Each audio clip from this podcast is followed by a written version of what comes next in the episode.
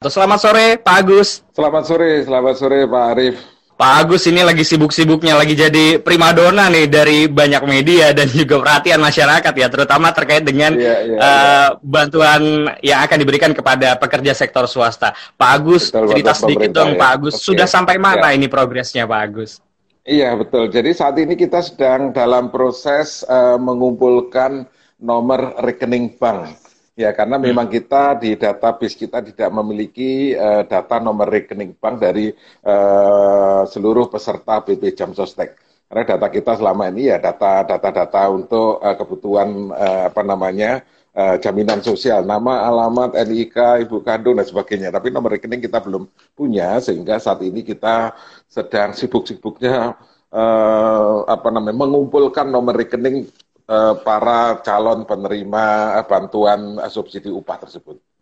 Oke, dari total jumlah peserta BPJS Ketenagakerjaan atau sekarang BP Jam Sostek ya namanya ya, uh, sudah ya, berapa persen progresnya nomor rekening yang uh, didata? Ya, kalau uh, dari data yang kita sisir yang ada di BP Jam Sostek ini kan 15,7 ya. Uh, kemudian dari 15,7 ini uh, kita apa namanya kumpulkan nomor rekening banknya uh, baru okay. terkumpul uh, saat ini sudah terkumpul 13 juta. Jadi uh, 13 juta dari 15,7 saya kira 80 persen sudah uh, terkumpul uh, nomor rekening bank tersebut. Namun demikian itu belum selesai karena kita yeah. baru menerima saja uh, nomor rekening itu perlu kita lakukan validasi lagi. Oke, okay. dari uh, um, nomor rekening yang masuk itu ya kan uh, juga ada proses validasi. Sejauh ini apa yang menjadi kendala dari proses validasi maupun juga dari proses pengumpulan uh, data nomor rekening uh, dari peserta? Ya, pertama kalau untuk proses pengumpulan rekening ini kan hmm. uh, apa namanya 15,7 juta tersebar seluruh Indonesia. Saya kira satu tantangan tersendiri bagi kita dan ada kemungkinan para uh, beberapa pekerja itu tidak memiliki rekening ya atau mungkin yeah. sudah pindah tempat alamat nggak bisa dihubungi dan sebagainya. Nah ini uh, salah satu uh, kendalanya sehingga uh, saya kira uh, tidak tidak mungkin bisa tercapai 100% dari 15,7 karena hal-hal uh, tersebut. Kemudian kendala untuk validasi ini ada dua ya di uh, validasi ini validasi yang dilakukan oleh pihak eksternal dan validasi yang uh, apa dilakukan oleh internal BP Jam Sostek. Yang eksternal ini contohnya melakukan validasi dengan perbankan. Dari uh, eh, 13 juta rekening yang sudah masuk, uh, kita lihat ternyata terdiri dari berapa bank? 130 uh, 130 bank. Jadi hmm. tersebar di 130 bank dan kami harus melakukan validasi itu Uh, dan kita saat ini sedang proses melakukan validasi dengan uh, perbankan, uh, tidak uh, bisa uh, cepat karena ini yeah. uh, bisa mengganggu operasional dari uh, perbankan tersebut. Dan ini sudah kita lakukan dengan melalui apa API uh, uh, gateway secara uh, automatically by system. Oke, nah Pak Agus banyak juga pertanyaan yang masuk ke redaksi El Sinta um, mengenai um, bantuan ini ya Pak ya yang akan diberikan pemerintah. Ya. Mereka bertanya syarat lainnya misalnya mulai kapan ke kepesertaan uh, BP Jam Sostek yang dihitung mendapatkan bantuan? Apakah misalnya ketika ada pekerja yang gajinya di bawah 5 juta tetapi belum didaftarkan perusahaannya atau pemberi kerjanya ke BP Jam Sostek ini juga mempunyai hak yang sama Pak Agus? Ya, jadi sesuai dengan kebijakan uh, dari uh, pemerintah untuk pemberian bantuan subsidi upah ini adalah kepada para pekerja uh, yang terdaftar uh, di PP uh, Jamsostek uh, aktif uh, per yeah. tanggal 30 Juni 2020. Jadi okay. kita lihat, kita turunkan data per 30 Juni 2020 uh, dengan upah di bawah 5 juta, kita mendapatkan angka uh, tersebut. Oke, berarti terdaftar ya. sebelum 30 Juni begitu maksudnya Pak ya? Ya, jadi tentunya harus terdaftar sebelum uh, 30 Juni karena per posisi 30 okay. Juni ini baru kita uh, potretkan. Tadi ada pertanyaan kalau uh, ternyata uh, belum terdaftar bagaimana? Nah, yeah. tentunya sesuai kebijakan kan yang kita ambil datanya per 30 Juni. Tetapi saya uh, ingin sampaikan bahwa uh, pada dasarnya untuk menjadi peserta atau terdaftar di BP Jam Sostek ini bukan semata-mata karena uh, apa namanya uh, bantuan subsidi upah ini, tetapi ya. memang yeah. manfaatnya menjadi uh, peserta BP Jam Sostek sangat sangat uh, besar sekali uh, mendapatkan yeah. perlindungan jaminan sosial atas beberapa uh, apa risiko kecelakaan kerja, kematian hari tua, uh, pensiun dan saya kira ini hanya nilai tambah saja menjadi peserta mm. BP Jam Sostek uh, saat ini diberikan uh, bantuan subsidi upah. Ya, atau misalnya ketika ada pekerja yang uh, hitungannya adalah barulah di, sebagai karyawan di suatu perusahaan, kemudian perusahaannya ya. belum mendaftarkan uh, si karyawan tersebut, berarti tetap uh, tidak termasuk yang menjadi penerima ya Pak ya, meskipun dia uh, bekerja di perusahaan yang perusahaannya juga mendaftarkan uh, karyawannya ke uh, BP Jam Sostek begitu ya? Iya, jadi kalau didaftarkan setelah uh, tanggal 30 uh, Juni tentunya tidak hmm. tercapture di dalam uh, okay. apa data uh, pihak yang uh, penerima. Tetapi sekali lagi bahwa uh, sebagai uh, pekerja ini kan merupakan hak hak pekerja untuk mendapatkan jaminan sosial. Karena ini uh, pekerja itu selain mendapatkan uh, gaji atau upah setiap bulan, sebetulnya mendapatkan uh, upah juga yang dikonversi atau di, uh, diwujudkan dalam bentuk jaminan sosial. Nah, saya kira pekerja harus meminta kepada pemberi kerja dan pemberi kerja atau perusahaan ini merupakan kewajiban. Jadi eh, berdasarkan perintah undang-undang, eh, perusahaan itu hmm. wajib untuk mendaftarkan eh, karyawannya ke BPJS ketenaga kerjaan. Oke. Meskipun dia statusnya karyawan kontrak begitu, Pak? Ya betul. Jadi ini tidak uh, melihat status apa pun uh, sepanjang memperkerjakan orang okay. Eh, itu ada kewajiban para pemberi kerja untuk mendaftarkan uh, pekerjanya di BP Jam Sostek. Oke, ada pertanyaan dari pendengar kami Pak Herman di Tangerang ini melalui WhatsApp nih Pak uh, Agus. Kalau untuk ya. pekerja dapat subsidi 600 ribu, kemudian untuk driver daring bagaimana nasibnya misalnya? Ketika dia mendaftarkan diri sebagai peserta BP Jam Sostek Mandiri Pak, gitu. Padahal saya tidak bekerja, ya orderan juga uh, meskipun masih lancar, tapi saya tidak dapat gaji. Tapi saya juga peserta BP Jam Sostek tapi Mandiri Pak. Ya, saat ini kebijakan dari pemerintah uh, diberikan kepada uh, pekerja uh, sektor formal atau yeah. kalau di uh, bahasa jaminan sosialnya adalah pekerja penerima upah. Nah, untuk yeah. uh, pekerja yang daring tadi adalah sektor pekerja uh, bukan penerima upah atau pekerja uh, informal. Uh, kebijakannya saat ini uh, baru untuk pekerja formal saja, Pak. Ya itu itu supaya tidak terjadi simpang siur berita ya Pak ya karena banyak sekali juga pertanyaan ya, ke masyarakat di media sosial kita juga tahu ya Pak Agus bagaimana ya. masyarakat sangat berharap sekali terhadap bantuan yang diberikan pemerintah ini 600 ribu buat kami ya. di kondisi yang seperti sekarang ini sangat-sangat uh, terasa sekali manfaatnya Pak Agus. Ya, ya. ini 600 ribu dibayarkan selama empat bulan dan ya. dibayar uh, dua kali jadi sekali bayar ya. itu 1,2 juta. Ya. Ya, kemudian ada Pak Riyadi Subakir ini di Ciputat. Assalamualaikum, Waalaikumsalam. Mohon maaf, Pak Agus saya mau tanya, bagaimana dengan perusahaan yang tidak mau mengikut sertakan karyawannya dalam BP Jam Sostek atau Jam Sostek Ketenaga Kerjaan dan gajinya kurang dari 4 juta, Pak Agus? Ya, jadi eh, seperti saya sampaikan tadi bahwa sesuai ketentuan undang-undang, perusahaan wajib untuk mendaftarkan karyawannya ke uh, eh, BPJS ketenaga kerjaan untuk mendapatkan uh, perlindungan jaminan sosial. Jadi ini perintah undang-undang. Jadi uh, perusahaan tersebut wajib untuk mendaftarkan. Saya kira uh, para pekerja harus mengkomunikasikan juga ke uh, perusahaan. Ada kewajiban perusahaan yang harus uh, di uh, apa namanya hmm. dilakukan untuk mendaftarkan karyawannya. Oke, okay. Pak Agus. Uh masyarakat juga ingin tahu bagaimana misalnya ketika ada perusahaan yang melaporkan upah karyawannya tidak sesuai dengan upah yang didapatkan. Ada manipulasi data, Pak Agus. Pasti ada lah satu atau dua perusahaan yang bandel begitu, Pak. Ya, ya, ya, betul sekali Pak Arief. Jadi ini sangat uh, apa namanya uh, potensi tersebut uh, bisa saja terjadi. Uh, perusahaan tidak jujur uh, melaporkan upah yang sebenarnya. Sebetulnya kalau uh, uh, hal ini terjadi, siapa yang dirugikan? Itu dulu. Yang dirugikan yeah. adalah karyawan. Kenapa? Okay. Karena karyawan itu menerima upah dalam bentuk uang tunai bulanan dan juga dalam bentuk uh, upah yang dibayarkan dalam bentuk iuran kepada jaminan sosial.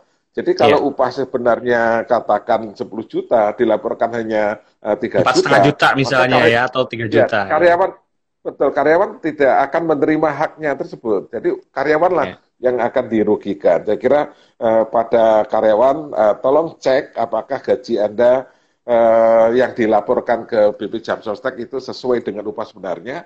Caranya sangat mudah, uh, bisa melalui uh, seluruh kanal uh, website kita atau melalui aplikasi kita BPJS TKku untuk uh, dilakukan uh, pengecekan.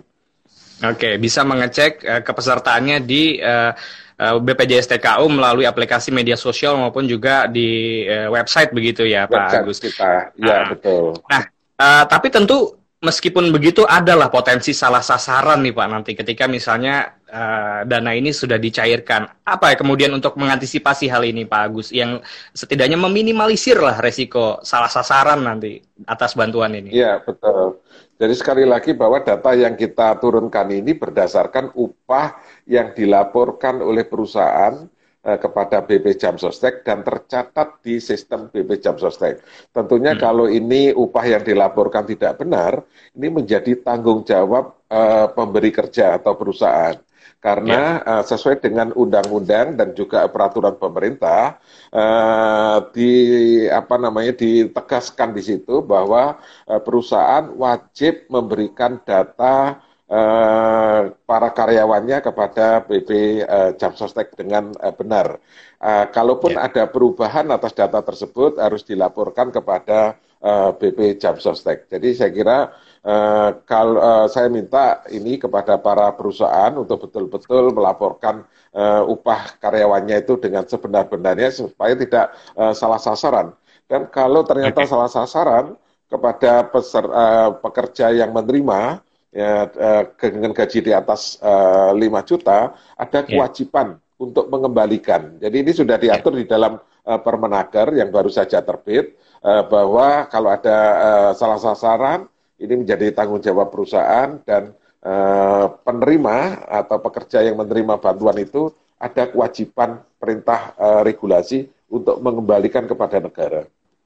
Oke, kalau misalnya terjadi ketidaksesuaian pelaporan upah begitu ya Pak, seperti yang sebelumnya kita bahas, tentu kan akan berdampak juga terhadap JHT. Tadi Pak Agus juga sempat menyinggung, apakah misalnya uh, pekerja gitu ya berhak menanyakan kepada HRD lah di kantor begitu ya, sebenarnya berapa sih nilai uh, gaji yang dilaporkan, gaji saya yang dilaporkan ke uh, eh, BP Jam Sostek? Karena ini balik lagi berkaitannya dengan JHT ya Pak. Uh, kita agak yeah, bergeser yeah. sedikit nggak apa-apa ya Pak Agus ya. Karena gak apa -apa, uh, gak apa setidaknya gini, ketika misalnya ada uh, upaya dari perusahaan untuk uh, melaporkan uh, atau memanipulasi data itu peserta BPJS dalam hal ini karyawan kan juga kalau tadi Pak Agus katakan dirugikan. Nah, um, ya. ketika misalnya perusahaan menolak menyampaikan uh, atau me membuka begitu ya berapa nilai sebenarnya nilai gaji yang dilaporkan uh, oleh perusahaan ke BP Jam Sostek apa yang kemudian bisa dilakukan oleh pekerja Pak?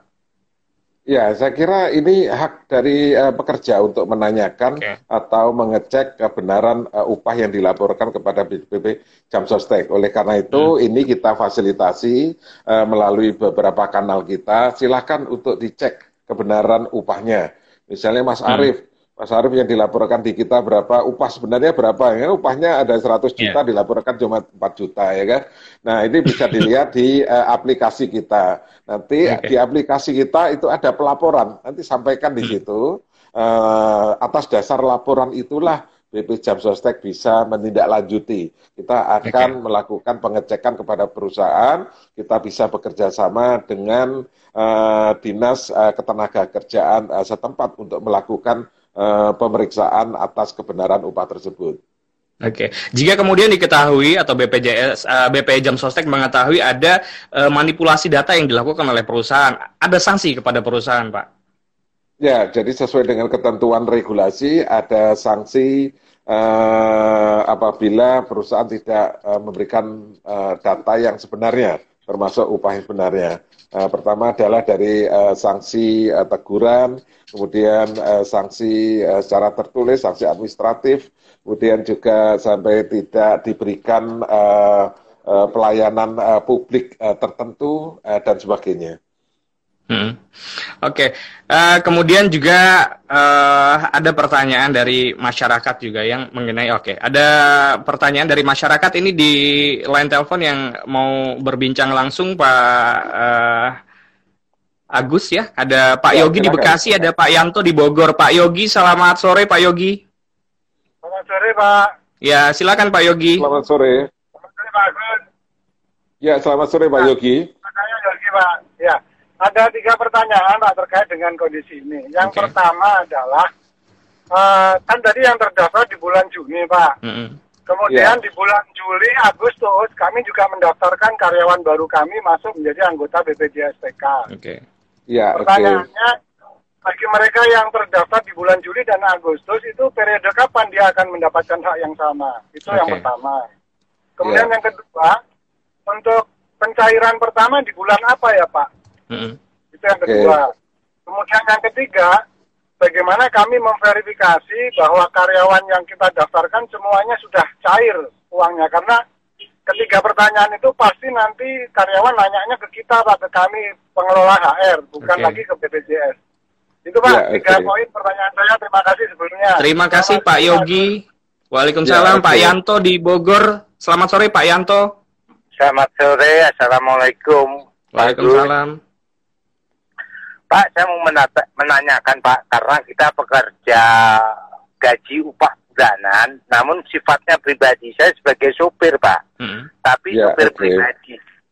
Apakah itu ya. kita bisa mendapatkan hak yang sekarang sedang dibicarakan Bapak? Mohon kiranya petunjuknya Pak. Terima kasih. Okay. Assalamualaikum. Ya, Waalaikumsalam. Terima kasih ya Terima Pak kasih. Yogi dan juga Pak Yanto. Pak Yogi tadi uh, dia HR atau mungkin dia uh, pemilik perusahaan lah begitu katakannya. Ada ya, karyawan ya. yang kemudian terdaftarnya di bulan Juli dan Agustus. Apakah juga nanti ada tahap uh, katakan tahap kedua begitu ya untuk uh, penerima uh, subsidi ini Pak Agus. Sekaligus juga menjawab tadi kapan Pak?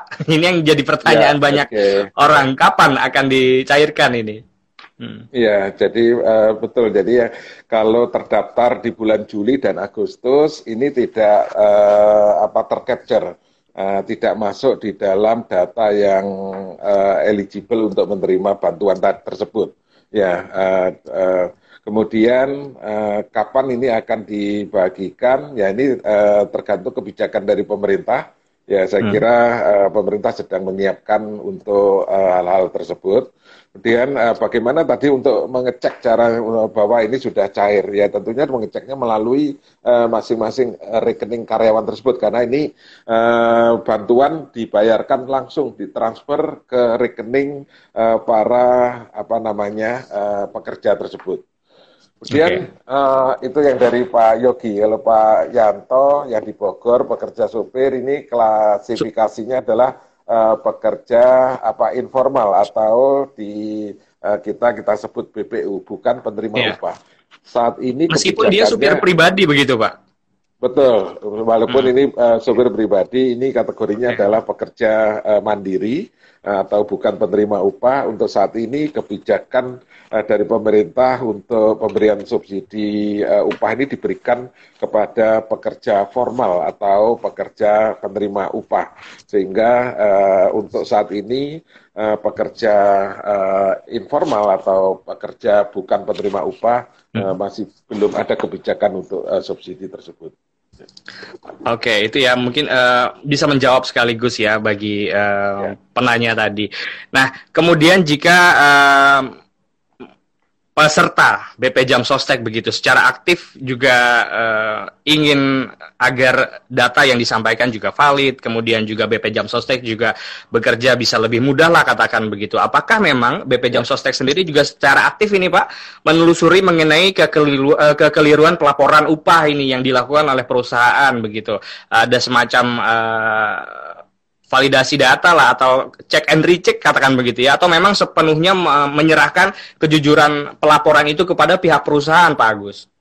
Ya, jadi ini kan uh, dilakukan self assessment. Jadi assessment yang yeah. dilakukan oleh uh, pemberi kerja atau perusahaan tersebut. Dan saya kira ini sesuai dengan uh, regulasi bahwa okay. uh, kewajiban untuk memberikan data itu ada di perusahaan dan perusahaan hmm. harus memberikan data dengan benar itu sudah ada uh, perintah dari uh, regulasi sehingga kita buat sebuah sistem untuk uh, mengaplikasikan itu di mana perusahaan mengakses sendiri secara self uh, assessment. Namun demikian di sistem kita sudah kita uh, antisipasi.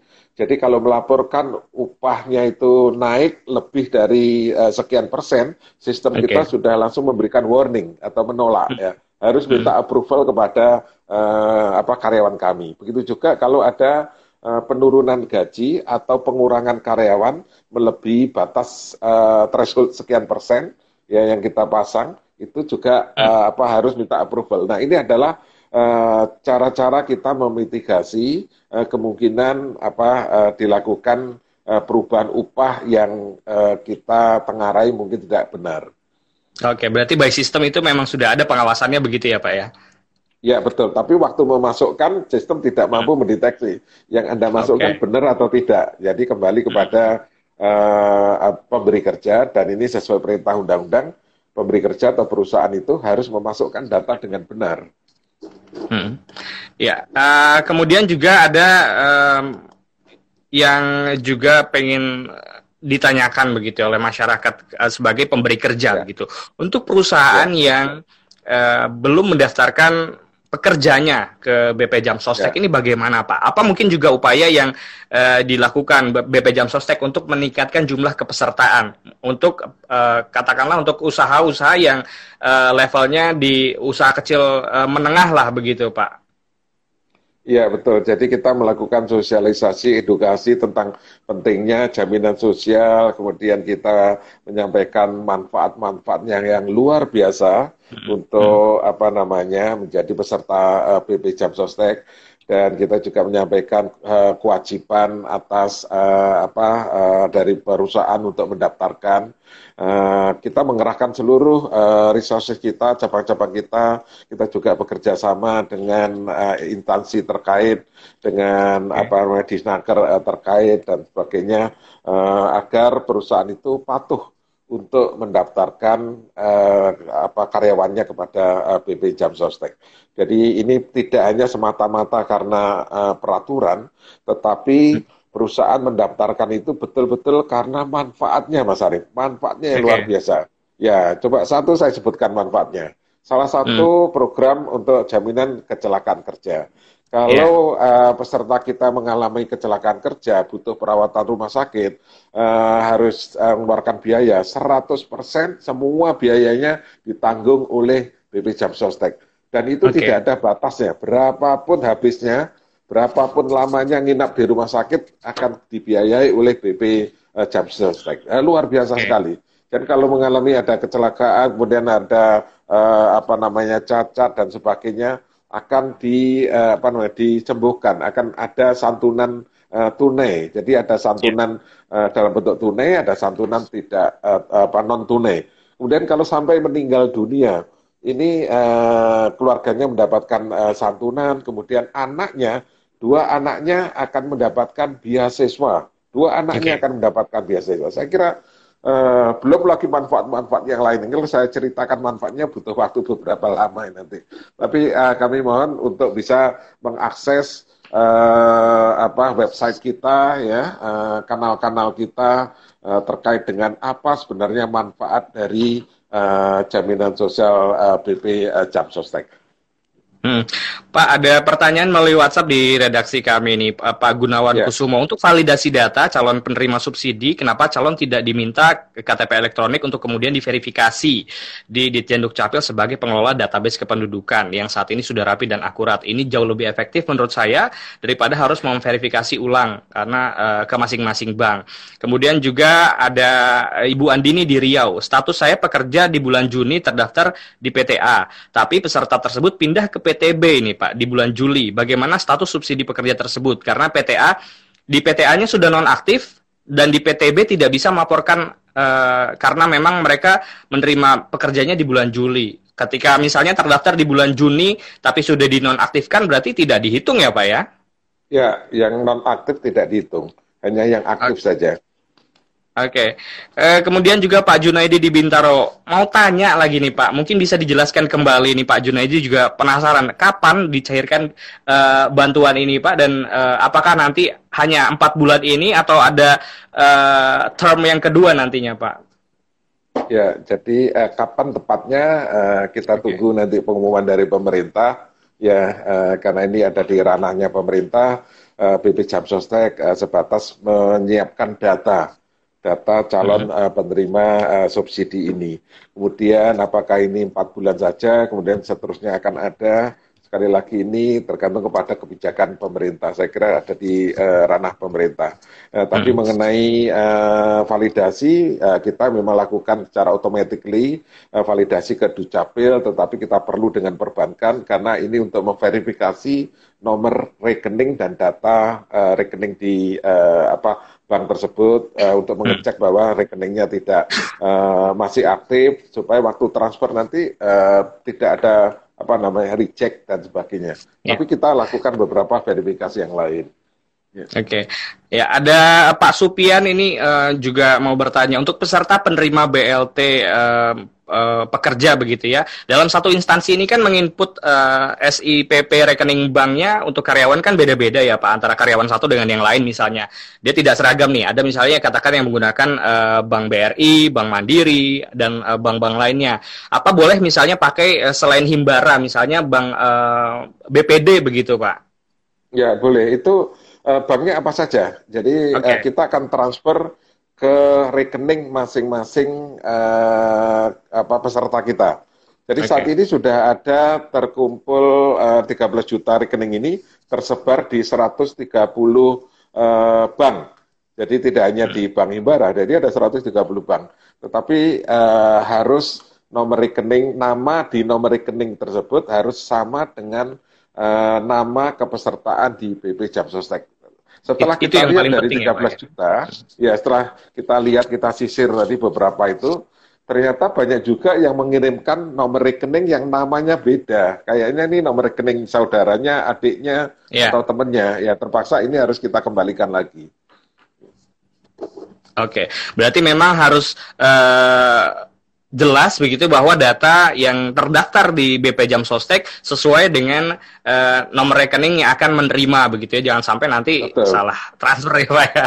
Iya, jadi nomor rekening yang diberikan ke BP Jam Sostek uh, harus sama dengan nama uh, peserta di yang tercatat di BP Jam Sostek. Oke, itu Pak Agus ada mungkin yang ingin disampaikan kepada pendengar El Sinta maupun juga netizen yang sekarang sedang uh, menyaksikan live Instagram kita Pak Agus mengenai uh, bantuan subsidi upah bagi para penerima kerja peserta BP Jam Sostek Pak Agus silakan. Ya. Baik, jadi saya kira bantuan subsidi upah ini adalah nilai tambah salah satu hmm. nilai tambah menjadi peserta BP Jam Sostek. Jadi yang paling penting sebetulnya bukan di subsidi ini, yang paling penting adalah ada uh, manfaat lain, manfaat pokok yang jauh lebih penting, yaitu uh, manfaat mendapatkan perlindungan atas risiko uh, kecelakaan kerja, kematian, hari tua, dan pensiun. Nah ini esensi yang sebenarnya. Oleh karena itu kepada para netizen, Uh, tolong pastikan bahwa Anda telah memiliki perlindungan uh, jaminan sosial. Karena kalau yeah. namanya uh, risiko kecelakaan, kematian bisa terjadi kapan saja terhadap siapa saja. Oleh karena itu, untuk melakukan proteksi dan agar kita bisa bekerja dengan uh, nyaman, pastikan bahwa Anda memiliki perlindungan uh, jaminan sosial dari uh, BPJS Ketenagakerjaan atau BP uh, eh, Jamsostek. Jika Anda adalah karyawan dari sebuah perusahaan, uh, okay. pastikan bahwa Anda terdaftar. Kalau belum, uh, sampaikan kepada HRD uh, uh, kalian agar okay. segera mendaftarkan. Dan kalau sudah terdaftar, uh, pastikan bahwa upah yang dilaporkan uh, ke BP Jamsostek benar-benar upah yang sesuai dengan yang Anda terima. Okay. Karena kalau yang dilaporkan itu lebih rendah, maka yang dirugikan adalah uh, karyawan. Karyawan okay. akan uh, mendapat uh, menerima hak yang uh, lebih rendah juga. Oke, okay. uh, Pak Agus, satu lagi ada pertanyaan ya. yang tertinggal ini. Yang didaftarkan itu gaji pokok atau take home pay-nya, Pak? Ya, uh, seluruh gaji yang diterima. Apa Oke, okay, take home pay berarti take ya, Pak ya? ya. Oke, okay, ya, take, take home pay. Oke, Pak Agus, luar biasa sekali informasinya. Mudah-mudahan ini juga bisa menjadi uh, pencerah lah bagi masyarakat yang masih bertanya-tanya kapan dan berapa yeah. dan apa syaratnya. Pak Agus, terima kasih sekali lagi atas uh, kesediaannya uh, bersama dengan Elsinta sore hari ini. Dan yeah. tentunya ini uh, mudah-mudahan juga bermanfaat dan diterima dengan baik oleh masyarakat tentunya sebagai peserta BP Jam Sostek. Selamat sore, yeah, Pak Agus. Yeah.